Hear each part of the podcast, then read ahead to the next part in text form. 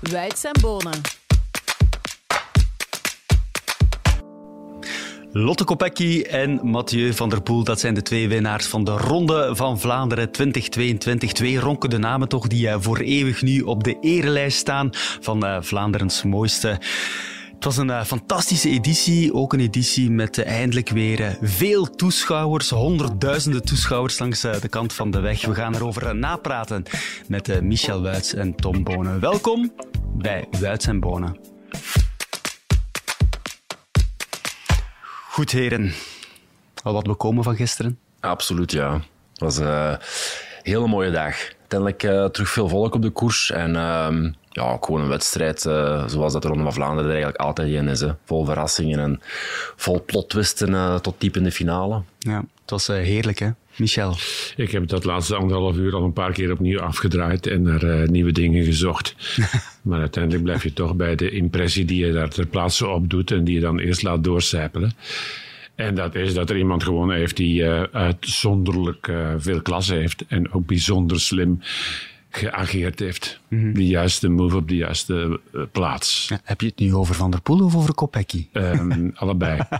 allebei. Dat denk ik ook, ja, ja. dat klopt wel. Ja. We gaan er uh, zo meteen dieper op uh, doorgaan, maar ik heb om te beginnen drie vragen voor jullie. You know the drill already. korte antwoorden. Verdient Lotte Kopecky nu al de titel van sportvrouw van het jaar? eigenlijk wel ja. ja gewoon ronduit ja. Ja, mm -hmm. Die heeft dit jaar, uh, gaan, gaan we er straks verder op, op, op ingaan. Uh -huh. Maak daar maar van het voorjaar van. Ja. van. Uh, het is uh, pas april, er komt nog veel. Dat is waar. Was Tadej Pogacar de beste man in koers? Ja, ja met zekerheid. Ja. Absoluut, absoluut.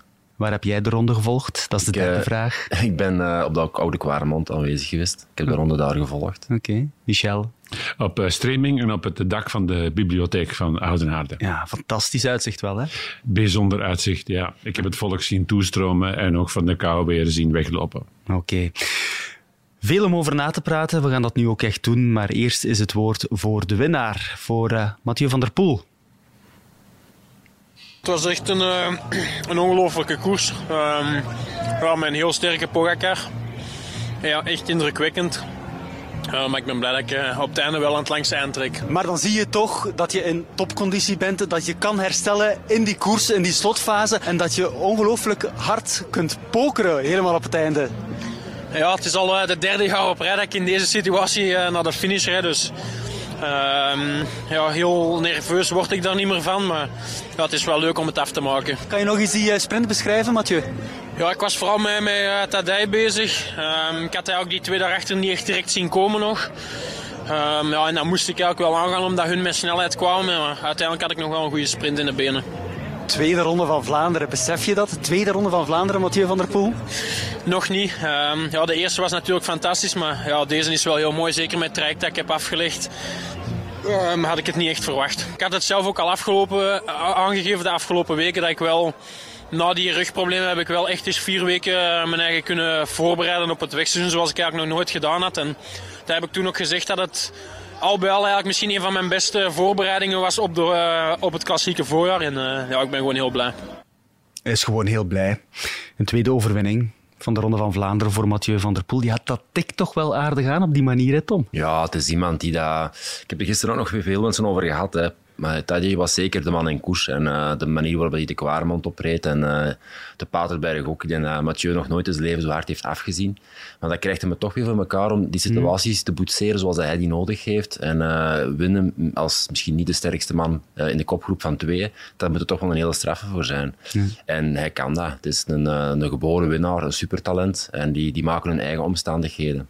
Hoe komt het dat die koers hem zo goed ligt? Het is de vierde keer dat hij de Ronde van Vlaanderen heeft gereden. Bij zijn eerste deelname werd hij vierde.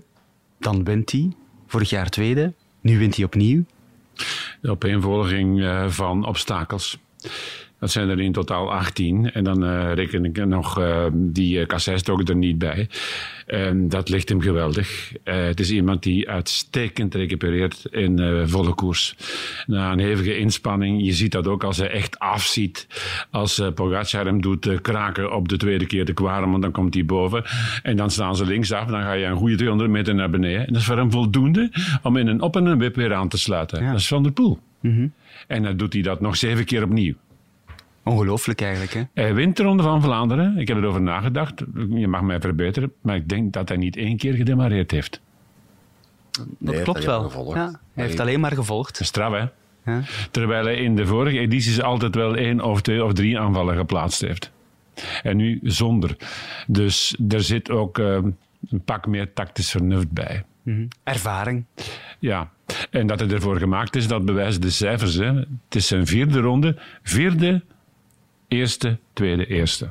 Ja. Er is trouwens in de voorbije 50 jaar geen enkele renner geweest die de Ronde van Vlaanderen heeft gewonnen met maar zeven wedstrijddagen of minder in de benen. Zegt ook al veel, hè? Ja, het is ook een beetje het nieuwe wielrennen, denk ik. Hè? Ja. Toch een beetje een, uh, een serieuze verandering van de laatste jaren. Uh, dat er veel minder competitie wordt, uh, wordt ingelast in voorbereidingen. De risico's worden gemeten, er wordt veel meer gecontroleerd, getraind. En eh, vroeger was dat gewoon ondenkbaar, omdat wij, gewoon, wij moesten veel koersen, zo simpel was De ploeg kreeg geld als wij ergens aan de start stonden. En dat was gewoon, ja, de melkkoe moest, moest uitgemolken worden. Ja. Dus ik denk dat ik nooit aan de Ronde van Vlaanderen gestart ben zonder 35 koersdagen in mijn benen. Dat bestond gewoon niet. Was dat te veel? Mm, ja, dat was gewoon een tijd. Hè. We deden dat gewoon en we deden dat graag. Hè. Maar zie daar ook zijn surplus. Hè? Hij is nu gedwongen geweest om te rusten. Ja. En dat levert hem op. Ja. Want vroeger was dat van de ene uitdaging naar de andere. Uh, dat uh, crossseizoen en dan zo snel mogelijk weer op zoek gaan naar winst en niet zomaar binnen. Denk aan de Adriatico van vorig jaar. Um, dat heeft hij als een gek aangepakt. Hè? Mm. En nu was hij gedwongen om te rusten. Nadat hij een goede zes weken de muren opgelopen heeft. Hè? Dat weet ik van Paul Herrijkers, die ongeveer alles weet over uh, vrouwen van renners. En die zei van, er was geen, geen land mee te bezeilen, er was geen huis mee te houden die stond op, op, op, op uitbarsten. Ja. ja, nu moest hij rusten en de uitbarsting komt dan op het juiste moment. Ja, en gisteren, helemaal op het einde, die sprint, bleef hij ijzig kalm. Eigenlijk kunnen we die sprint, waar het, waar het dan gebeurt, in drie delen opdelen. Hè. Pogacar die dringt Van der Poel de kop op. Dat is deel 1. Dan Van Baarle en Madouas, die, die komen terug. Deel 2. En dan Van der Poel zet aan en Pogacar geraakt ingesloten. Heeft Pogacar in die sprint een fout gemaakt? Um, misschien was hij wel overweldigd door het feit dat die twee plots uh, terugkwamen. Hè? Hij had wel een paar keer omgekeken. En heeft hem dat uh, meer in een chaotische toestand gebracht dan de Van der Poel. Dan bij Van der Poel het geval was. Want Van der Poel heeft dat allemaal perfect gemasterd. Hè? Hmm. Het is misschien wel zo dat hij het niet, dat, dat niet allemaal zo gespeeld heeft. Maar hij heeft wel chaos in de kop van uh, Pogacar teweeggebracht. Dat is wel duidelijk. Wat hij gedaan heeft, dat is eh, de sprint die hij gereden heeft tegen Van Aert herhaald. En er dan nog eens een uh, dosis uh, ja, uh, chaos bovenop. Mm -hmm. ja, hij heeft gewoon de situatie gewoon ten volle benut. Hè. En wat hij verkeerd doet is, ja, als, hem, als hem de sprint rijdt zoals hem die wil rijden, dan denk ik wel dat hem de koers wint. Um, maar hij is op het moment eigenlijk 10 meter te lang bezig met, uh, met Mathieu in, een, in die koppositie te willen houden. En hij laat die mannen terugkomen. En dat is net, net, net iets te laat of net iets te vroeg dat die terugkomen aansluiten. Waardoor het hem zichzelf insluit. En dat, dat, die frustraties na de aankomst, dat was ook puur op zichzelf. Hij was gewoon razend kwaad op zichzelf. En Heeft hij achteraf ik, gezegd? Ik kan van uh, het eigen ervaring spreken. Dat is het ergste wat er is als je kwaad bent op je eigen aan zo'n mm. aankomst. Omdat je aan, uh, aan zijn boosheid ziet ook hoe goed dat het nog was. Want hij wist ook dat hij had gewonnen volgens mij anders. Ja. Ik, ik twijfel eraan of hij nog de punch had. Ik denk het wel. In een sprint man tegen man, dat is natuurlijk altijd een ander geval. Hè? Uh, het was eigenlijk een sprint man tegen man, maar plots werden het dat er vier in extreem is. Ja. Uh, maar ik twijfel eraan of hij zou gewonnen hebben als het tegen Van der Poel alleen was. Want hij heeft heel veel uh, in die demarrage gestoken op de tweede keer de Quaremont. En de derde keer was dat al wat minder. Hmm. En als hij zijn krachten daar beter verdeelt, dan denk ik dat hij gewoon van der Poel wegrijdt op uh, de laatste keer de pater. Ja, maar die heeft er ook serieus afgezien. Hè. Dat was Absoluut. bij Mathieu was dat echt op 101 procent. Dat was puur op wilskracht dat ik nog meeging. Ja. Dat was niet meer overschot. Nee, nee, en Dus die heeft, hem ook, die heeft hem ook afgezien. En uh, ja, we kunnen er blijven over discussiëren als en had. Uiteindelijk heeft hem niet gewonnen, heeft uh, zijn kansen niet kunnen aangaan. En dat is gewoon voor de rest van zijn leven een vraagteken. Had ik ja. de koers kunnen winnen of niet? Hij zal het misschien zelf wel zeggen, ja. En we zullen het misschien wel denken, maar het is niet gebeurd. Het is natuurlijk wel een geweldige gemiste kans. Ja. Um, als toerwinnaar en dan voor de eerste keer in zo'n koers verschijnen en dan die dan bonk winnen. Ja, dat zou geweldig zijn geweest. Statementje geweest. Ja. ja. Maar dat Mathieu van der Poel uh, wint is ook uh, fijn natuurlijk. Hij zei achteraf, je, je, zegt het, hè, hij had pijn op de Kwaremond, ook op de Paterberg toen de Pogacar uh, eraan sleurde. Maar hij zei dan achteraf van, ja, ik werd geholpen door al dat volk langs de kant van de weg. Is dat, is dat echt zo? Of is er dat... Is, dat is misschien, misschien heel raar om te zeggen, maar de, de makkelijkste Quaremons zijn de Ronde van Vlaanderen. Omdat je ten eerste je hebt die beschutting van die mensen. Er is veel minder wind, invloed van wind. Uh, de weken voor de Ronde van Vlaanderen wordt er enorm veel met zwaar machines overgereden. Dus die rijden al die zand tussen die kasseien plat. Dus dat is eigenlijk gewoon een boulevard waar je over rijdt. Ja. Dus de gemakkelijkste beklimmingen van de Quaremons zijn altijd in de Ronde van Vlaanderen. En dan het publiek daarbij, ja, dat is... Uh, ik heb het een paar keer mogen meemaken dat je daar uh, bij deze om, omhoog geschreeuwd wordt. Dat voelde echt wel. Hè. Dat, geeft ja. heel veel, dat maakt heel veel verschil. Hij zei, ik vergeet mijn pijn tijdens nou, de koers door het mee. geschreeuw. En dat is ook het probleem vaak, dat je je daar soms vergalopeert, omdat je, ja, je bent niet meer bewust van je eigen limiet, omdat je er gewoon aan het overgaan bent. Dat is toch gek, hè, wat dat doet? Um, ik heb er een paar keer, uh, ben er een paar keer over gereden met de motor, in de jaren negentig. En daar zit een kopgroep van vier man voor je neus. Je bent de vijfde, hè? Ja. Dat doet wat met de mensen. Het is Ja. knettergek, die gedachte. Ja. Maar je gaat terecht staan en je neemt waar van wat is dat hier allemaal? Hè? Je rijdt door een tunnel van lawaai en dat geeft een kick. En op een bepaald moment denk je van, zou ik vandaag de Ronde van Vlaanderen winnen? Oh, kom, onnozelaar. Dat is niet gebeurd, Michel. Um, laten we ook eens even luisteren naar wat uh, Tadej Pogacar na de koers heeft verteld. In the moment I was really disappointed because I couldn't do my uh, my sprint.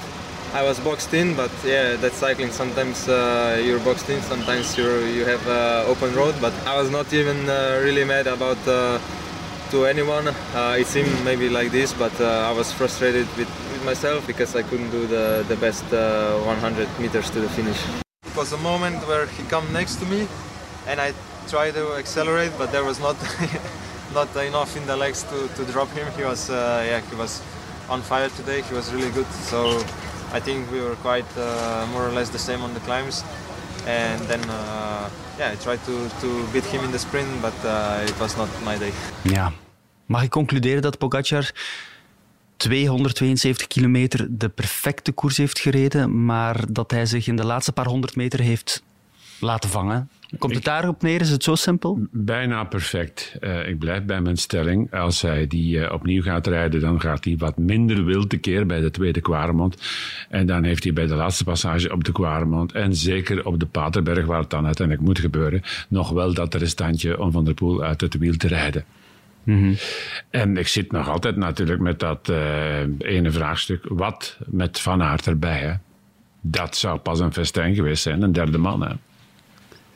Wat met Van Aert erbij, Tom?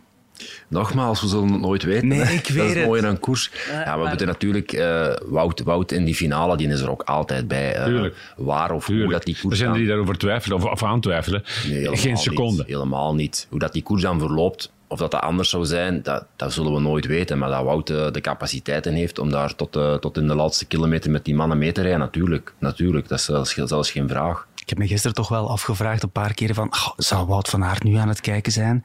Hoe, Oh, hoe, moet, hoe moet hij zich voelen op dit moment? Zeker in die finale. Hij moet toch Ja, het is lastig zijn. Dat je, dat je geen garanties krijgt op uh, hard werk. Hè, dat je dan altijd kunt aanwezig zijn in ideale omstandigheden. Maar dat hoort er niet eenmaal bij. En een, Mm. een sportman of een atleet op zich is ook maar gewoon een mens. Die worden ook ziek. Die krijgen ook uh, accidenten. Die hebben ook, allee, snapt het leven, het leven gaat ook gewoon door voor die mensen. En dat dat dan de week van de Ronde van Vlaanderen net is, dat is een hele zure. Hele zure. Het moet een, vers, een verschrikking zijn, een rampzalig gevoel. Dat lichaam is meer dan klaar. Dat snakt om een prestatie. En je zit daar. Je kan daar niet meer weg. Nee. Je wordt gedwongen om te zetelen. Jongens toch. Als ik even naar de top 10 kijk. Dylan Teuns is de eerste Belg op de zesde plaats. Hij is de enige landgenoot in de top 10. Waar waren de Belgen, Tom?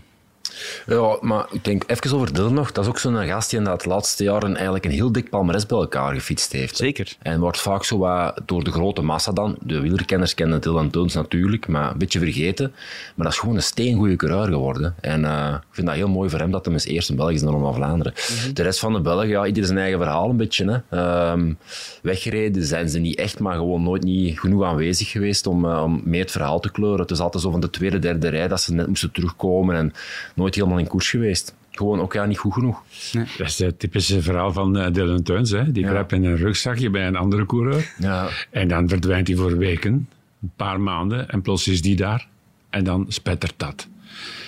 Uh, Benoot, uh, ik denk uh, heel eenvoudig, geen echte koopman hè, van, van wie je weet uh, dat hij het kan afmaken. En dan is de kans meestal zo of groot dat je ook je niveau niet haalt. Had je toch meer verwacht van Jumbo-Visma? Ja, ja, ik had er meer van verwacht, ja. ja. ja ze hebben natuurlijk Laporte gevallen. En zijn, ja. allee, iedere, iedere ploeg heeft na die aankomst, en ja, jij kunt daar ook van getuigen, die hebben allemaal heel veel verhalen bij. Allemaal. En de meeste verhalen die komen niet in de media, maar die hebben echt, als die s'avonds aan tafel nog iets aan het eten zijn, de verhalen die dat je na de Ronde van Vlaanderen hoort, dat je zelfs niet wist van je eigen ploegmaat, dat is ongelooflijk. Ja, en ook weer bij Laporte bijvoorbeeld, die valt aan, Asgreen zijn ketting eraf, um, aan de voet van de Koppenberg zeker. Mm. Dus dat zijn allemaal van die dingen die beïnvloeden de uitslag wel degelijk. Ja. Hè? Laporte was duizelig na die val, pijn in de rug, schouder, hij was ook zijn eten kwijt. Dat zijn toch wel bepalende factoren. Tuurlijk. Er is ook nog eens dat ziektebeeld. Hè? Ik schat dat ongeveer een kwart van het peloton ofwel ziek geweest is, of nu ziek is. Dat merk je ook aan de samenstelling van de ploegen. Uh, in elke ploeg, ploegen op wereldtoerniveau, zaten twee à drie mannen van erzatsniveau. Excuseer dat ik het zo zeg. Dus dat waren zeventals die uh, niet echt volwaardig waren. Dat speelt een rol. Wie is er gisteren in de race ziek geworden? Dat zal ook de volgende dagen blijken. Hè? Hmm. Dat heeft een impact. Wij moeten beoordelen, dat is ons vak. Maar is het wel globaal beoordeelbaar? Is dat wel rechtvaardig? Nee, dat vind ik een pertinente vraag. Ja. Natuurlijk, als we kijken naar het uh, klassement, we kunnen er niet omheen. De Belgische ploegen, Quickstep en Lotto, ja. waren eigenlijk zelden zo slecht in de Ronde van Vlaanderen. Dat is wel, dat is een ja, vaststaand dus, feit wel. Dat is natuurlijk, de uitslag ligt niet, maar er zijn uh, zoveel um, verzachtende omstandigheden of verhalen te rapen die dat er de voorbije weken die die, in, die uitslag beïnvloed hebben dat je niet kunt zeggen van uh, het ligt puur aan de inzet of de, de bereidbaarheid om te koersen van die ploegen. Helemaal niet. Er zijn zoveel zaken gebeurd die dat die, die aanslag wel degelijk beïnvloed hebben in de voorbije weken.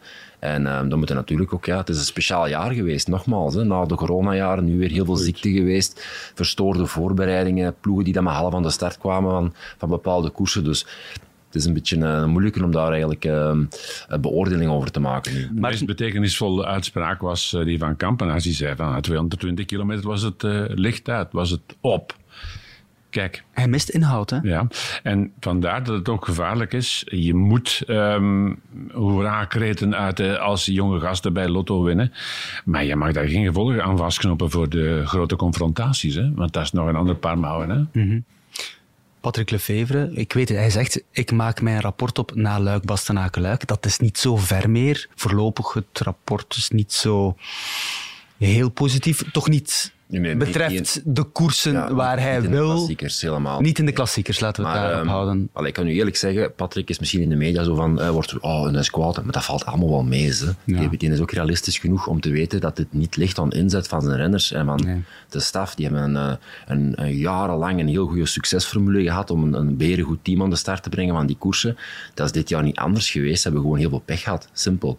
En um, daar moet ik ook gewoon weer wij kunnen maken. Kijk, het zal waarschijnlijk een uh, voorjaar, een Vlaams voorjaar worden, om snel te vergeten. De Waalse klassiekers nog een ander verhaal. Kom Philippe aan de start. Ik denk wel dat hij uh, links of rechts nog wel zijn graantje zal meepikken. Mhm. Mm -hmm. En dan praten, we, dan praten we weer anders. Hè. Tuurlijk. Sinds hij met uh, Bettini, uh, was dan gelijk gewonnen heeft, weet hij ook wel van, ik heb nog wel een marge tot daar. Want dat uh, zegt hij elk jaar. Hè. De balans wordt opgemaakt naar was dan en hij heeft een punt. Hè. Een groot punt. Voor de Belgische mannen was het uh, geen hoogdag gisteren. Voor het uh, Belgische vrouwenwielrennen des te meer met een uh, prachtige overwinning van Lotte Kopecky. Nog maar de tweede Belgische die de Ronde van Vlaanderen wint. In 2010 was er Grace Verbeke. En dit was de reactie van Lotte Kopecky na de koers. Lotte Kopecky, hoeveel keer heb jij het laatste half uur al in je arm geknepen? um, ja, misschien nog niet genoeg. Besef je al een beetje wat je gepresteerd hebt? Ja, het is, nou ja, het is on, ja, het is iets dat moeilijk te, moeilijk te geloven is, ook voor mezelf nog. Ehm, maar uh, ik denk, eens dat ik zoiets, uh, in de bus ga kopen met mijn ploegmaten en, uh, en vanavond rustig in de zetel gaan zitten, dat, dat wel gaat binnensepelen. Ja, wat ging er door je heen toen je over de meet kwam? Ja, een beetje ongeloof. Ehm, ja, ook de manier waarop Chantal die, die zich gewoon leegrijdt voor mij. Ja, dat is fantastisch. Ja, en hoe is het om dat hier in die Belgische trui te kunnen doen? Ja, alle mensen werden gek. ja, voor jezelf, je hebt strade gewonnen, de ronde nu. Ja, je bent nu echt wel een wereldtopper, hè? besef je dat al een beetje? Um, ja, ik was mezelf wel bewust van, uh, van de kwaliteit die ik op de fiets had. Um, maar uh, ja, dit is gewoon uh, next level.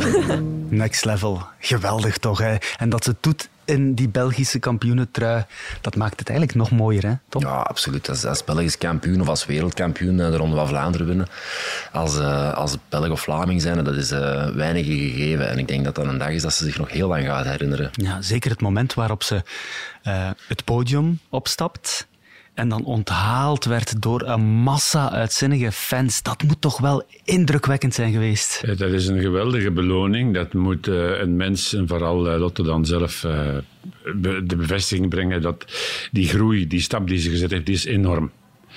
Dat timide meisje, dat is weg. Ik heb haar een paar keer in de race blaak bij zich zien halen en gaan overleggen in de rug van Reusser. Wat doen we daarmee? Hoe lossen we dit op? En ga jij er nu maar uh, eens even aan rammelen. Um, ik uh, schuif dan wel mee met Van Vleuten. Dan ben je kopvrouw, hè? En dat is de stap die ze gezet heeft. Hè? Ja, ze is leider geworden, inderdaad. Ze heeft uh, een heel sterke ploeg om zich. En um, een ploeg die dat eigenlijk toonaangevend is in het vrouwenrennen momenteel. En zij, is, uh, zij heeft die stap gezet en gezegd van kijk, ik ben, hier, ik ben hier de baas en we gaan dat hier samen doen. En op een heel leuke, goede, ontspannen manier. En mm -hmm. je kunt er alleen maar bewondering voor hebben eigenlijk. Ja. Je moet natuurlijk ook eerst fysiek de stap zetten. Hè? En daar hebben we de bevestiging van gekregen in de Strade Bianche. En wat ze gisteren gedaan heeft, is nagenoeg hetzelfde. Ja. Nagenoeg hetzelfde.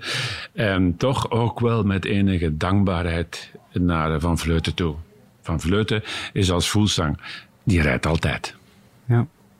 We zeiden het al voorzichtig na de Strade Bianchi, na haar overwinning, maar Kopecky, ja, zij doorbreekt nu echt wel hè, die Nederlandse hegemonie. Dit voelt op een manier toch wel aan als een echt kantelmoment voor de vrouwenkoers in ons land, Tom. Ja, we hebben, uh, we hebben natuurlijk uh, de voorbije tien jaar in Nederland enorm veel heel goede vrouwelijke wielrenners gehad. Mm -hmm. En um, Vlaanderen, het is niet dat er hier geen kwaliteit in huis is, maar ik denk dat er in Nederland gewoon veel meer gedaan geweest is naar scouting en zo toe, en dat er veel meer meisjes begonnen gaan te fietsen. Natuurlijk, als je er duizend hebt die starten, is de kans groter dat je er tien goede gaat, uiteindelijk gaat overhouden. En dit is heel, heel goed voor het vrouwenwielrennen in Vlaanderen, omdat er nu toch wel een beweging gaat zijn van meer meisjes op de fiets, meer meisjes die willen beginnen koersen. En hoe meer meisjes dat er beginnen, hoe meer goeie dat we er uiteindelijk gaan aan overhouden. Dus uh, het kan alleen maar goed zijn. Het is ook een kwestie van infrastructuur. Hè? En onderschat dat niet. Nederland is bij uitstek een fietsland. Ja. Er is ruimte zat om je uit te leven op de fiets. En bij ons is er ruimte te krap. dat is ook zo. Maar niet alleen qua infrastructuur, maar ook qua ja, professionalisering. Uh, bijvoorbeeld bij SD Works. Dat oogt toch allemaal heel goed, hè? heel professioneel. Ze laten niets aan het toeval over. Uh, je ziet het vrouwenwielrennen ziender ogen eigenlijk echt grote stappen zetten. Merk je dat ook, Tom? Ja, absoluut. Het uh, vrouwenwielrennen van uh, een decennium geleden tot nu, dat is niet meer te vergelijken. Hè. Ik, we hebben het er straks nog even over gehad. het mannenwielrennen uit eind jaren 90 of begin jaren 90, dat is eigenlijk het vrouwenwielrennen van de voorbije tien jaar. Dat was vroeger ook zo bij de mannen. Dat was een veredelde liefhebbersport. Dat is heel hard geprofessionaliseerd. Nu zitten wij echt op een superhoog niveau van van, atleten. En met de vrouwen is die inhaalbeweging een paar jaar geleden al serieus ingezet geweest. En ploegen zoals SD-Works, die, die tillen dat gewoon naar een nog veel hoger niveau. En de rest volgt. En nu zitten er toch maar met vier, vijf echt fatsoenlijke ploegen in de, met de vrouwenwielrennerij. Waar, uh, waar dat allez, een voorbeeld voor al de rest. En uh, dat gaan er alleen maar meer worden. Ja. Het is ook zo dat Nederland ook al veel langer een vrouwensportcultuur heeft. Hè? Um, een goede 30, 40 jaar langer dan uh, bij ons. En dan vooral in de breedte. Ada Kok, Olympisch kampioen in het zwemmen. Dan moet je al terug naar de jaren 60. Hè? Dat is al lang geleden, ja. Dat is al lang, hè. Dan hadden wij wel Yvonne Renders in het wielrennen, maar dat uh, bleef in bepaalde vakjes plakken. En in Nederland heeft zich dat vrij snel uitgezet in de breedte. Mm -hmm. En we zijn aan een inhaalbeweging toe. We moeten ze maken. Lefevre heeft het nu ook uh, aangenomen en gezegd van, oké, okay, ik engageer me voor een team. Mm -hmm. Kan Lotte Kopecky alle klassiekers aan? Um, Lotto Kopecky heeft niet de snelheid van uh, Balsamo. En ook niet van Wiebes. Maar mag dat? Toch wel, hè? Dus je kan daar eventueel een kaart van iemand anders trekken. Dat uh, kan natuurlijk ook. Maar dat is ook moderne wielrennen. Hè? Daar blijf ik bij. Um, je moet uh, in het wielrennen van nu ook als uh, koopvrouw kunnen zeggen van ik dien. En bij de mannen is dat ook zo. Tenzij je Pogacar hit. Dan ben je altijd en overal koopman. dat is waar.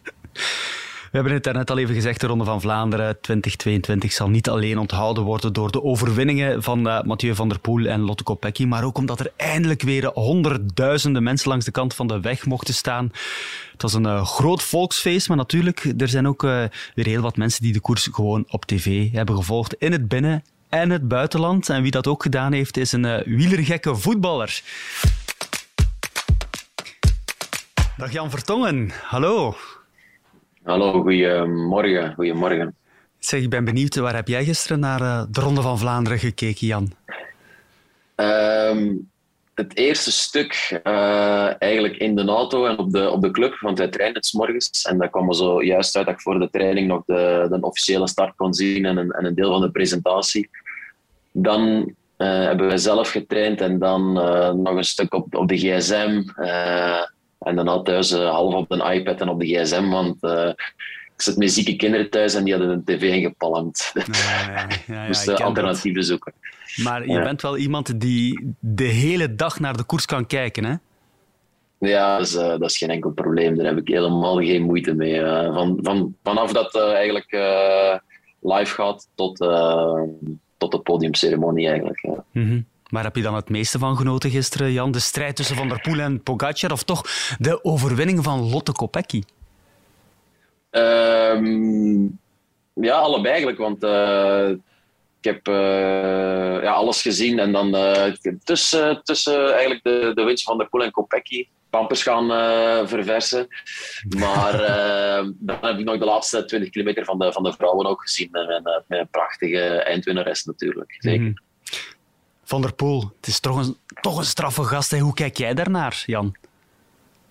Ja, fenomeen uh, in, uh, in alle opzichten. Ik denk dat je mocht, als je dan weer met voetbal moet je vergelijken met, uh, met, met ja, absolute wereldtoppers in, in voetbal. En ze spreken dan van de, van de Big Five, maar ja, ik vind dat ongelooflijk wat die mannen laten zien en, en de toewijding die ze hebben, hoe, hoe snel ze weer op niveau kunnen komen, de discipline, dat, dat, is, dat is ongelooflijk en dat is open mond gewoon kijken. -huh. Is Mathieu van der Poel de Lionel Messi van de koers? Ja, wat ik zei, je hebt er, je hebt er eigenlijk een stuk of vier, vijf die, die wel in de buurt komen. En ik denk dat je van Lionel Messi en Ronaldo mocht spreken als je het een periode van, van 10 jaar, 10, 15 jaar kunt volhouden. En die gasten zijn, die zijn heel goed op weg. Ook als je kijkt naar, naar Pogacar, dan Van Aert natuurlijk. En die mannen die ja, als ze dit nu kunnen uitzingen totdat ze 3, 4, 35 zijn, en dan zullen ze palmares bij elkaar gefietst hebben dat je dan wel daarmee mocht vergelijken. Ja, mm. denk ik wel. Je noemt hem al, hè, dat hij Pogacar twee keer toerwinnaar en nu bij zijn eerste ronde van Vlaanderen al zo dominant rijden. Dat is niet zo simpel in Vlaanderen. Is die voor jou nog sterker dan ja, op voorhand gedacht? Ja, je mag hem niet meer, uh, niet meer onderschatten. Hè. Inderdaad, vooraf was er sprake van de, van de parcourskennis en, uh, en of het allemaal wel zou hangen. Ook omdat er, wat was in de, in de, in de woensdag was door Vlaanderen had hij volgens mij wat, wat foutjes uh, misschien gemaakt. Maar ik denk dat hij nu gewoon de koers zelf in handen heeft gepakt. En ja, ik, ik verbaas me niks meer bij die jongen. Als je ziet wat die, overal waar die komt, staat hij om te winnen en om koers te maken. En ja, dat is gewoon alleen maar genieten. Mm -hmm. Tegenwoordig zijn er heel veel uh, zieken. Ja, jouw kinderen nu nog, je zegt het zelf. Wout van Aert ook ziek, corona. Ja, ik weet het, is altijd een beetje gissen, hè, maar dat is het leuke aan sport. Hè. Uh, wat voor een koers hadden we gezien mocht Wout van Aert erbij zijn geweest? Heb je daar gisteren niet even over nagedacht? Uh, van, ah, als ja, Wout erbij was... Ja, ik denk dat ze, dat ze dan misschien wel met drie naar de meet waren geweest. Ik ben niet een, een absolute kenner, maar ik denk dat hij gewoon deze twee mannen wel had, uh, wel had gevolgd. Uh, was op de Oude en later op de Paterberg. En, uh, ik denk dat ze met, misschien met drie naar de, naar de streep waren geweest. Alle drie vertrouwen in, in een sprint op hun eigen manier. En ehm, ja, ik, ik denk eerlijk gezegd dat ze met drie naar de streep zouden zijn geweest. Dat is mijn gevoel, maar ik ben niet een absolute kenner. Lotte Kopecky, het is toch heerlijk hè, wat zij doet. Dat ze, ze wint de Strade Bianche een paar weken geleden, maar ze doet het ook in de Ronde van Vlaanderen. De allergrootste koers die je als Vlaamse coureur kunt winnen en zij doet het. Het is toch echt een belangrijk moment hè, voor het vrouwenwielrennen? Ja, zeker als je ziet uh, de aandacht die ze nu krijgen en natuurlijk ook verdienen. En uh, dat ze dan aankomen na de mannen, wat er allemaal uh, ook in alle praatprogramma's over de aandacht die ze krijgen is, super. En, en, dat je dan nu zo'n uithangbord hebt um, voor de Belgische ja, vrouwenwielrennen, dat is, dat is ongelooflijk. En ik denk eerlijk gezegd dat zij ook vertrokken kan zijn voor een geweldige reeks. Als je in het wielrennen een goede leuvel overkomt en je hebt zo'n fantastisch eindschot, dan, dan ja, dan kun je een eerlijst uh, geweldig uitbouwen, denk ik. Dat zie je nu ook bij die mannen die, die nu alles aan het oprapen zijn. Uh, uh, die, kunnen, die kunnen klimmen en die kunnen sprinten. En als je, en als je kunt volgen zoals zij dan deed bij Van Vleuten twee keer in de, in de straten en, en nu, dan...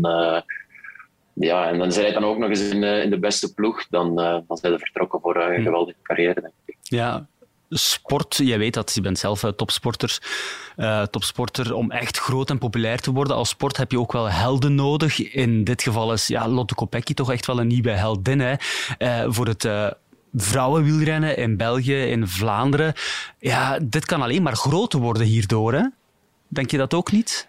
Ja, zeker. Ik denk dat je dat misschien wel wat kunt vergelijken met uh, Kleisters en hij, de, was dat, begin jaren 2000 of daarvoor, die, uh, die ook een, ja, misschien al uit, uit, het niets opkwamen en die, uh, die ongelooflijk veel meisjes hebben gestimuleerd om die sport op te pakken en ook de professionalisering in, in Vlaanderen en België daarna. En, en zij kan hetzelfde betekenen voor het vrouwenwielrennen. Misschien ook een beetje wat deze generatie Rode Duivels uh, betekent voor, uh, voor het voetbal. En uh, is, is, is gewoon Lotte Kopecky voor het vrouwenwielrennen. En hopelijk zien we de komende jaren hm. meer en meer van dit soort talenten.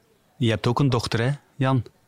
Ja. Wat zou je zeker. ervan zeggen als hij zegt later van kijk, ik wil wielrenster worden? Is dat iets waar je mee zou kunnen leven? Ik, ik, oh, meer, dan, meer dan zou kunnen leven. Ik, het is meer aan de creatieve kant, zoals, uh, zoals mijn vrouw. Maar uh, ja, als wielrenster houden, zou ik dat alleen maar uh, kunnen stimuleren. De gevaren die er mee gepaard gaan, dat is, dat is ook wel een ding waar dat je bij moet nadenken natuurlijk. Maar die heb je, die heb je in elke sport. Maar nee, als, als zij wilt wielrennen, daar sta ik volledig achter, absoluut. dat geloof ik. Zeg, volgende week Amstel Gold Race, de week daarna Parijs-Roubaix, daarna Luik, Bastenaak, Luik. Waar kijk je nog het meeste naar uit? Uh, ja, dan toch wel Parijs-Roubaix, denk ik. Uh, ik hoop dat uh, Wout dan, uh, dan, dan terug is en dat we wel die, die tweestrijd tussen Van der Poel en meer gaan krijgen. Hopelijk de andere mannen ook. En ehm, ja, dat zal toch wel het voorjaar nog compleet maken. Ik vind het ongelooflijk jammer als je ziet wat voor vorm Wout zat. Die, die zou toch moeten kunnen verzilveren in, in een monument. En, uh, want hij leek er wel helemaal klaar voor. Dus ik hoop dat hij, dat hij goed herstelt van, van die corona. En, uh, en dat hij dat nog in, in Roubaix kan laten zien. Mm -hmm. Fiets jij eigenlijk zelf? Nee, ik heb in de lockdown van twee jaar geleden heb ik zo'n ik heb zo'n setup thuis. Mijn, mijn, mijn Zwift noemt dat dan. En, ehm, ja, dat heb ik dan wel serieus gedaan om mijn conditie te onderhouden. Maar op de, op de openbare weg in Londen en ook in, in Portugal ah. is dat echt niet aan te raden. Die, die fietscultuur is hier, is hier helemaal niet. De gevaren die ermee gepaard gaan. En ook als je dan fietst, wil je ook serieus fietsen. En dan past dat vaak niet ook in het conditionele programma hier. En ik denk als je van, als je van je fiets wordt gereden, dan, dan nee. heb je wel een serieus probleem hier, denk ik. Dat denk ik eigenlijk ook wel. Zeg nog één ding, Jan. De WK-loting voor Qatar. De groep van de duivels, mhm. wat denk je ervan?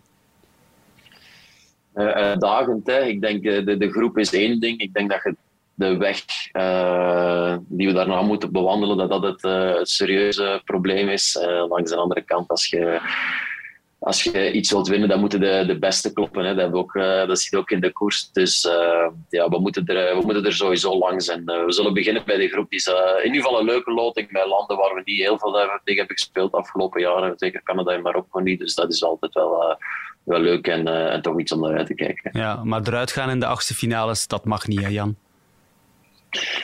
Uh, dat is eh, in ieder geval eh, niet de bedoeling. Eh, ik vind trouwens altijd ongelooflijk dat die mannen van, van, de, van de koers eh, zo vol zelfvertrouwen eh, spreken en eigenlijk de voetballers veel voorzichtiger zijn. Dus eh, misschien moeten we wat meer van die mannen van de, van de koers op, eh, oppakken. Dat, die, Dat is waar, dat is echt een groot verschil. Dat is inderdaad een Ja, groot ja, verschil. is hè? terwijl, dat, eh, terwijl dat vroeger eh, omgekeerd was. Als je ziet, eh Wout en Mathieu, die zeggen gewoon van, ja, ik, eh, die, hebben, die hebben nog niet gekoerst en die zeggen, ik ben in mijn beste vorm ooit en ik start alleen maar om te winnen. Dat is eigenlijk iets, eh, iets meer van de, van de voetballers. En de voetballers zijn tegenwoordig wat meer voorzichtig. Dus eh, misschien moeten we met z'n allen maar wat meer naar de koers beginnen kijken. Dus ik onthoud, Jan Vertongen zegt, wij worden wereldkampioen.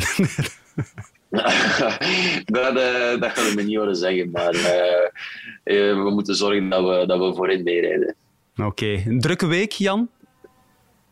Ja, we spelen de Champions League tegen Liverpool morgen. Dus ehm, dat is, eh, dat is super belangrijk voor, eh, voor ons als club. Na toch een eh, minder seizoen in de competitie is, eh, is dat we onze successen moeten uithalen. Dus eh super belangrijke week voor ons. Ja, ik wens jou heel veel succes. Dank dat ik jou even mocht bellen. Merci, hè.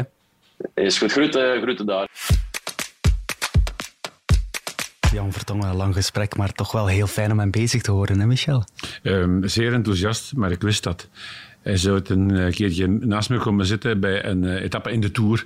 En is toen een, ruim een half uur blijven plakken. Hij Ja. heeft echt een wielermicro. En mee in de eten gebracht. En dan voelde hij meteen van, oh, die, die volgt het wel. Meer dan dat zelfs. Ken jij evenveel van voetbal als hij van eh, koers, Tom? Absoluut niet. Ik heb wel heel veel bewondering voor Jan Vertongen. ik eh, ken Jan een beetje. En, Ja, eh, ik een weet fijne dat- ik kerel, hè? Ja, heel, heel rustige, Ja. zo chille gast zo. En hij volgt de sport gewoon in het algemeen heel graag. Ja. Het is een beetje een feit, want iedereen weet dat trouwens dat Ja. een heel grote koers van is. Ja, ja, ja. Heel veel kennis. Goed, laten we nu weer even de iets technischer kant op gaan. Ik wil eh, graag even inzoomen op de sprint toch, van Mathieu van der Poel. Hij begint met een snelheid van 33 km per uur aan die sprint. Uiteindelijk wordt die snelheid opgetrokken naar 58. De piekwaarde van zijn sprint is 1406 watt. 12 seconden lang trapt hij een vermogen van 1216 watt. Tom, leg mij eens uit. Hoe straf zijn die cijfers? Of valt dat eigenlijk mee? Je moet dat allemaal in perspectief zien eh, van eh, een wedstrijd zoals de Ronde van Vlaanderen gereden hebben. En, en net eh, 17 keer over uw rooien getrokken geweest te zijn door, door Pogacar. En dan die sprint nog te moeten doen. Die, eh, die waarden, als je dat puur op, op, eh, op sprintwaardes gaat bekijken, is dat helemaal niet indrukwekkend of zo. Maar je moet dat vooral bekijken na zo'n wedstrijd. En, eh, een goede sprinter na een klassieker, die zijn zeldzaam. Eh 1400 watt piekvermogen, dat is normaal voor iemand van zijn gewicht. Maar je moet die wel kunnen leveren na 7 uur koers. En ehm, het feit dat hem de snelheid zo ver laat terugzakken tot 33 per uur, dat was eigenlijk zijn nadeel om met Pogacar naar de, naar de sprint te gaan, omdat hij kan veel beter met iemand die zo klein en licht is, zoals Pogacar, die ook explosief is, eh, de snelheid iets hoger zetten, dat hij veel minder acceleratievermogen heeft. Dus als je vanaf 40 per uur kunt vertrekken, of van 33 per uur, hij had er eigenlijk meer voordeel uit gehaald, eh, Pogacar, dan, eh, dan Mathieu volgens mij. Ah, is het zo? Ja. Oké. Als je met iemand zoals met Wout van Aert naar de meet gaat, is dat weer net beter, omdat je dan alle twee van het lage snelheid vertrekt en die wegen ongeveer evenveel. Dan gaat de explosiefste iets, meer, eh, iets rapper op topsnelheid zijn. Maar in ieder geval, ja, heeft dat goed gedaan en eh, het zijn indrukwekkende cijfers. Ja, en het is wel eh, opvallend als je dan vergelijkt met de sprint van vorig jaar. Die sprint die hij met Asgreen deed. Piekwaarde daar 1470 watt. Een beetje meer, maar eh, toen trapte hij over 12 seconden zes- eh, 1160 watt. Dus eigenlijk ongeveer een vergelijkbare sprint. Maar het resultaat is natuurlijk wel een wereld van verschil. Hè? Dat, eh, En cijfers is in sprinten, dat is echt gewoon bullshit. Je moet er, zelfs, moet er zelfs niet naar kijken. Nee? zeker niet naar zo'n klassieker. En, eh, het gaat er gewoon over dat je wint of niet wint. Hoe, dat, je, er- hoe dat je er eerst over die e- eindstreep komt, dat maakt zelfs niet uit. Maar, maar dat vind ik interessant. Cijfers die, is cijfers, bullshit. die, die cijfers gaan ook nooit bij Mathieu bijvoorbeeld in één keer naar 15 of 1600 watt piekvermogen gaan. Dat blijft heel zijn carrière hetzelfde. Mhm. Die, die bepalende elementen zijn er ook. Hè? Wat zijn de omstandigheden? Met wie zit je daar? Ehm, hoe ga je het aanpakken? Eh, hoe staat de wind? En dat weet ik allemaal. Het is niet dat je bijvoorbeeld in een uh, bij atletiek meeting en uh, je hebt de, de, kilometer of de 100 meter, dat je super clean kunt gaan meten wat dat je prestatie is. Het dit is tactisch, dit is na een lange wedstrijd. Iedere wedstrijd is ook anders. En zijn piekvermogen na zo'n koers zal ongeveer altijd rond de 400, 1450 watt liggen. Het ja. kan nooit in één keer 1600 of 1650 watt zijn. Of hij moet veel frisser aan de aankomst komen. Het is interessant om dat eh, mee te pikken en dat te bespreken, maar je mag niet aan fetischisme doen. Nee. Uh, uh, Strava-gegevens, ja, dat is zeer interessant als je daar praat op gaat, want je wil daarmee uitpakken en je wil het op sociale media gooien. Dat is tof, dat is tof. maar, maar, je moet dan toch nog wel de week erop proberen op het podium te komen van de ronde van het Baskeland. Dat is wel waar. Maar leest elke renner achteraf al die cijfers toch niet uit? Uh, of, of, worden alle koersen in detail toch geanalyseerd op basis van de cijfers? Van... Dat wordt heel, allee, alle wedstrijden, alle trainingen, alle gegevens worden tegenwoordig supergoed uh, bekeken. En er zijn heel veel parameters die dat je kunt gebruiken om effectief het vormpeil van een persoon gaan te meten. Maar in wedstrijd is dat allemaal irrelevant. Mm -hmm. Wedstrijd telt dat allemaal niet. Je mocht jij op je metertje zien hoeveel wat dat je trapt, dat je gelost wordt op de Waterberg. Allee, ik wil maar zeggen, eigenlijk zou een wedstrijd, en de meesten doen dat ook, die plakken gewoon een wattagemeter af. Dus die registreren wel, maar die kijken niet naar die ah, wattages. Ah, okay. Dat je moet kunnen vrijkoersen. Je moet ja. niet bezig zijn met cijfertjes op je fiets. En een beklimming van de Kwaremond op tijd gaan zetten ja, de week nadien is zat de wind op kop, of is, is het kouder of is het warmer. Gisteren waren ideale omstandigheden om te koersen. Je kunt in, in die koude temperaturen kunnen veel meer aan, omdat je dan ja, gewoon meer zuurstof binnenkrijgt. Dat verfrist, dat is, je, je verliest minder vocht. Dus dat zijn eigenlijk ideale omstandigheden om, uh, om hoge, mooie cijfers te halen. Maar die zijn irrelevant in wedstrijd. Wat mij ook altijd opvalt, de eerste heeft daar natuurlijk geen tijd voor, want die juicht. De tweede, bij wijze van reflex, of is dat om wat weg te duiken en zich los te maken van de camera. Ja. Afdrukken dat Stop. metertje. Stop, het is goed geweest. Meteen, hè? Op de streep.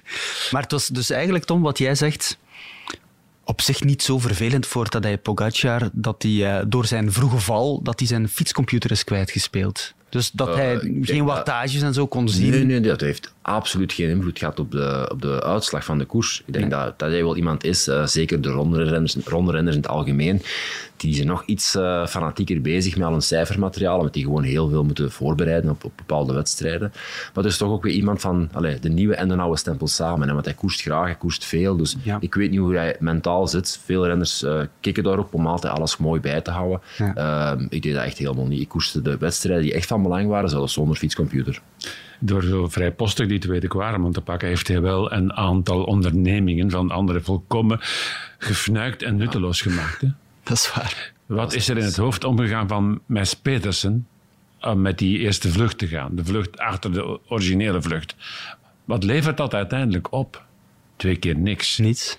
Die is gewoon genekt door de move van uh, Pogacar. Dat is gewoon een en dan geprobeerd om mee te gaan en zich daar ja. compleet in verloren. Hij heeft toch echt gewoon een statement gemaakt. Dus dat heeft niks ja. te maken met, oké, okay, ik wil hier nu de koers in een bepaalde plooi laten vallen of zo. Dat was gewoon een statement maken. dat was wel een indrukwekkend statement. Ja, voilà. iedereen, wist, iedereen wist direct hoe dat stond. Is dat slim? Ja, ik, vind, ik vond het wel heel mooi om te zien. Prachtig. Iedereen wist ook direct van, ah ja, we moeten die vandaag uh, niet meer demareren. Dat is ook de reden waarom Mathieu niet heeft aangevallen. Die wist van, ik kon alles moeten sparen om te kunnen volgen ja. op momenten dat het erom gaat. Mm -hmm. En hij heeft alles moeten optimaliseren om mee te kunnen gaan en dan uiteindelijk nog te kunnen winnen. Mm -hmm. Maar uh, zo'n statement maken in koers, ik vind dat wel eens mooi. Zeker en vast. Kijker is het uh, prachtig. Ophitsend. Ja. Ja. Je gaat er ook geweldig in mee.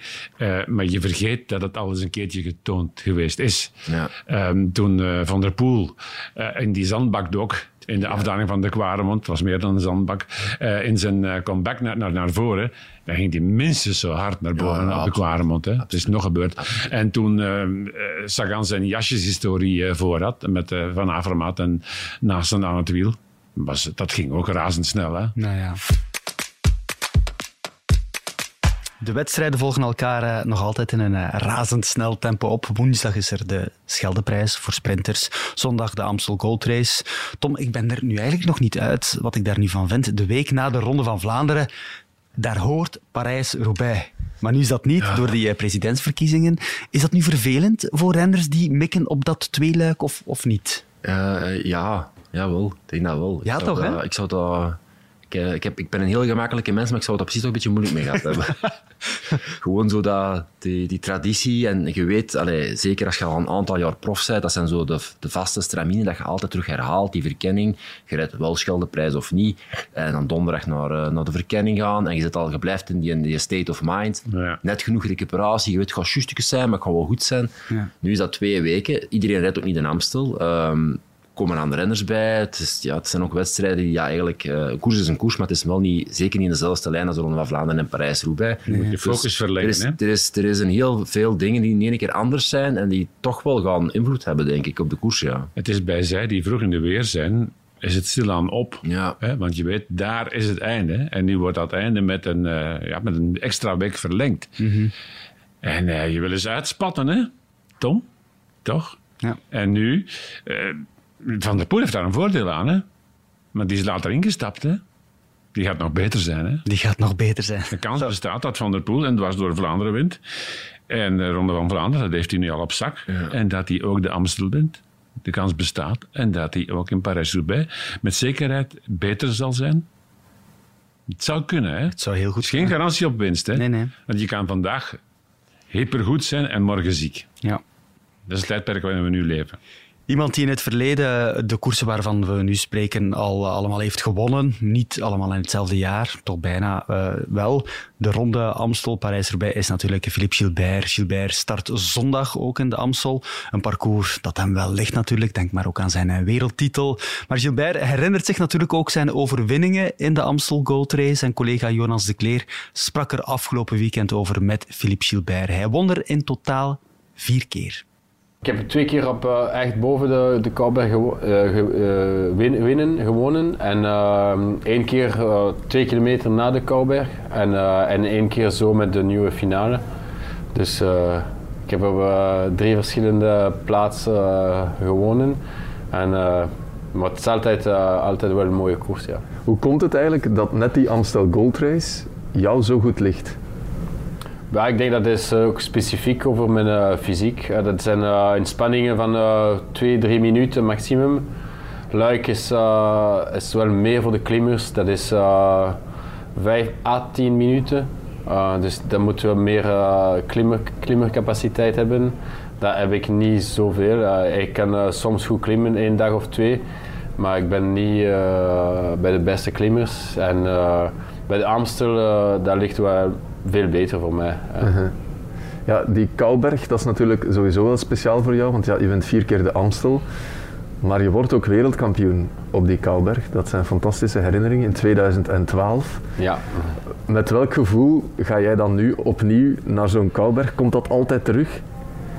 Ja, maar het is nu anders. Uh, de Kouberg is niet meer uh, uh, de key. het is een belangrijke beklimming, belangrijk, belangrijk moment in de koers, maar het is niet meer het moment van de koers. het is nu anders, maar je kunt ja, de koers verliezen daar, maar niet winnen. Maar uh, ik kan wel verliezen, ja. Mm -hmm. En uh, brengt dat zo herinneringen naar boven? Word je emotioneel als je dan die Kouberg oprijdt? Denk je dan terug aan bijvoorbeeld die overwinning op het WK? Of, of zit jij zo niet in elkaar? Nee, maar het, ja, het is altijd mooi hè, als ik rijd uh, of een andere koers waar ik heb ooit gewonnen of een mooie prestatie gedaan. En je denkt altijd aan, aan, aan een mooie, mooie moment. Hè. ik denk dat de mooiste moment van je leven blijft meer in hun hoofd dan de, dan de slechte.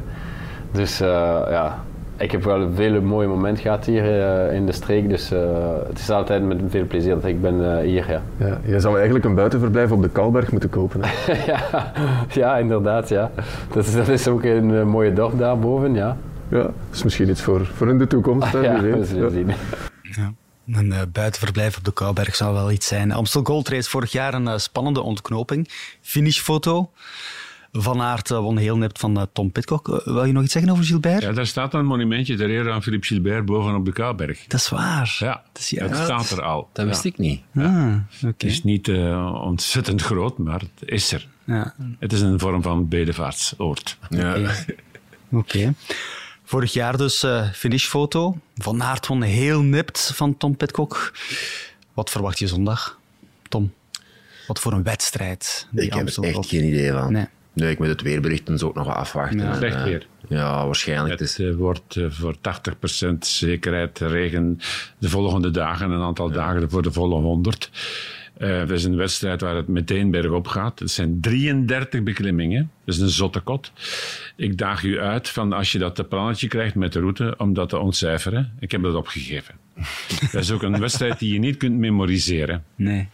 Uh, je kan wel een aantal eikpunten in je hoofd printen. IJzerbosweg, gevaarlijk. Mhm. Want daar uh, dreigt het meestal open te barsten.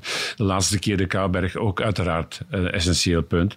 Maar dan gaat men nu nog het WK-lusje maken, de Geulemerberg af. En dan kom je dan via de Bemelenberg terug. En dan een stukje dwars door het veld. Oh, bij de wind. Ja. ja, de wind is daar altijd een bepalende factor. Hè. Dus uh, de Amstel Gold Race is enorm lastig. Ja. Maar eigenlijk is um, de, de key factor altijd de wind. Omdat je de wind bovenop die kellingen, je komt daar heel vaak boven in open stukken, waar het dan niet direct een afdaling achter volgt. En waar scheurt het dan? Dat is daar. En uh, de Amstel in slecht weer is een van de verschrikkelijkste wedstrijden dat er is op de wereld. Je bent zo tureluurs gedraaid dat je op een bepaald moment ook niet meer weet van potverdekken, van welke kant zou die wind nu weer gaan komen? Want je weet niet meer, ben ik nu naar het noorden, het zuiden, het westen of whatever aan het uh, rijden. En dit is wat uh, Philippe Gilbert verwacht van de koers van komende zondag. Nog voor de toekomst is natuurlijk even vooruitblikken naar de Amstel Gold Race ja. van dit jaar. Met welke ambitie start Philippe Gilbert daar? Uh, dit voorjaar is heel moeilijk geweest voor mij. Ik ben altijd ziek geweest, nu nog. het is nog niet 100%. Maar uh, ja, eindelijk van uh, de week voor het nieuwsblad ben ik altijd ziek geweest en ik heb nooit um, één week na elkaar kunnen goed trainen. Ik had altijd iets en was de longen of de keel of de sinus, altijd iets. En, het is wel vervelend, want de goesting is daar, de motivatie is daar, maar ja, ik krijg een grens door de, de ziekte. En het is nooit erg, want ik kan blijven trainen, maar ik kan niet 100% trainen en alles geven. En doordat mijn conditie blijft hangen op een oké okay niveau, maar niet, niet het beste niveau. Mm -hmm. Dus ja, ik hoop dat ja, dat, dat gaat snel over zijn en dat ik kan bijschakelen en uh, verbeteren. Ja. Mm -hmm. Ben jij bezig bijvoorbeeld met dat record van vijf overwinningen van de Amstel Gold Race van Jan Raas? Speelt dat een beetje in je achterhoofd? Nee, maar het is altijd zo. Uh, dat was ook zo nu ja, met uh, mijn, mijn, mijn doel van de vijf monumenten. dat was zo de druk van, van Sanremo. Nu, nu is de druk van de, een vijfde Amstel. straks misschien een luik, de druk van een tweede luik. Uh, dat, dat, komt, dat komt altijd iets, omdat ja, als je hebt ooit iets gewonnen, ja, mensen willen altijd meer en ik wil ook zelf meer, maar ja, op een moment, uh, als je geeft alles, dat lukt ook niet, niet altijd. Maar uh, natuurlijk, als ik kan een vijfde Amstel winnen, het zou wel fantastisch zijn. Ja. ja. Om af te sluiten graag, Philippe Gilbert, nog één naam. Wie wint de Amstel Gold Race 2022? ik zeg niet mijn eigen, maar ik hoop ik, maar uh, ik wil dat niet zeggen. En uh, anders, dat weet ik niet. Voilà, hij weet het niet. Niemand weet het eigenlijk. Goed, um, we hebben het over het Amstel, over Parijs-Roubaix gehad. Uh, daarna volgt Luik, Bastenaak, Luik. Ik wil nog één vraag stellen. Moet Wout van Aert, als hij terugkomt, Luik rijden? Tom? Moet, moet, moet. Hij moet, hij moet Nee, niks. nee, hè. Hij moet nee. niks. Nee, maar ik, eh, ik vraag me echt af eh, wat hij wat die met bijvoorbeeld Parijs-Roubaix gaat doen. Of dat hij ehm, in staat zal zijn om te fietsen, zeker wel. Ehm, in staat zal zijn om dat risico te nemen dat er misschien achteraf weer problemen te kop op gaan opduiken. Ik weet het niet. Er zijn zoveel vraagtekens nog bij die COVID-besmettingen.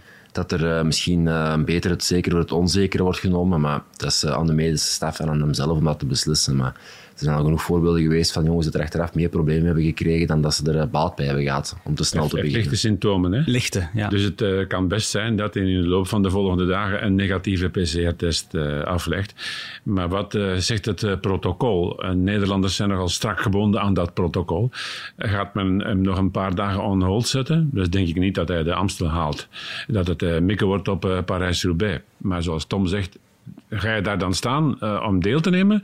Of ga je daar naartoe met de focus om te winnen? Dat is nog een hemelsbreed verschil. En als dat niet kan, ja, dan zou ik toch eens proberen in Luik-Bastenaken-Luik.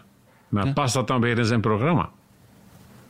Maar zie je hem in Luik? Dat is misschien een... Ja, of ik de, in, de beste wel. In, ja, natuurlijk. In de normale omstandigheden, zonder die COVID-besmetting en de vraagtekens dat er weer bij komen kijken. Uh, Wout van Aert als renner zie ik zeker in staat om dat Luik te doen, absoluut. Zeker nu dat de aankomst wat verlegd is. En dat is een wedstrijd die hem heel goed moet liggen. Misschien zelfs beter dan de Ronde van Vlaanderen. Zoals het de laatste jaren gelopen is, is het allemaal te spelen op de Roger Faucon. Stel dat hij op dat uh, steile stuk of die uitloper even moet loslaten, dan heeft hij toch nog altijd, gezien zijn hardnekkigheid, de mogelijkheden om weer aan te sluiten in die afdaling. Mhm. En dan uh, in een sprint. Begin maar. Luik, Luik, is eigenlijk de saaiste klassieker van allemaal. Luik is één langgerekte massasprint geworden. Ik ben blij dat je het zegt. Ja, de, de, jaren dat Luik een mooie klassieker was, die liggen al heel ver achter ons. Hè. Het is echt een, een drama om naar te kijken. Er wordt zelfs uh, niet meer gerammeld onderweg. Nee. Hè? Ze rijden gewoon met Wachten, hè? super strak tempo, al die klimmetjes op, veel te snel dat, dat er niet meer kan aangevallen worden. Die ploegen zijn zo sterk en zo homogeen. Ja. Uh, de Movistars, noem maar op, en die controleren die wedstrijd alsof dat een massasprint is. En dan rijden ze ook effectief met 40 man de aankomst. En dat is Tesla Bastenakeluik. Zie daar het bewijs dat het het grootste soortelijk gewicht in een, van het totaal peloton, dan heb ik het over 500 man, dat ligt in die branche. Hè? Ja. Mhm. Daar krijg je rondemannen en uh, punchers bij je. Hè? Ja.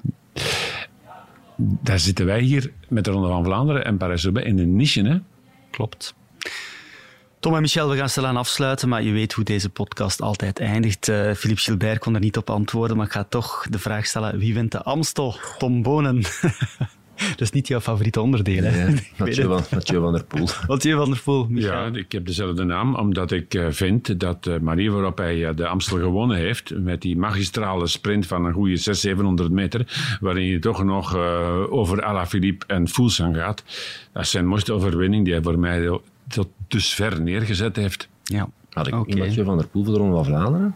Nee, je had Wout van Aert gezegd. Je had Wout van Aert gezegd. Ja, ja, de kerk in het midden Nee. Maar mijn vraag is, wie komt daar aan de start? Want vandaag begint de Ronde van het Baskeland. Ja. En doorgaans lag dat in het verlengde van de Ronde van het Baskeland. En hoe zit dat nu? Ja. Hoe gaat dat deelnemersveld eruit zien? Goeie vraag. Wat wordt de waarde daarvan? Veel vragen en nog geen antwoorden. Wordt Misschien vervolgd. wordt dat, misschien Ja, wordt dat voor Van der Poel wel zijn makkelijkste om te winnen. Ja, het zou wel eens kunnen. Goed, Tom Bonen, dank alweer. Graag gedaan. Merci Michel. Dit was hem alweer. Dit was uh, Wuits en Bonen. Heel graag tot uh, volgende week.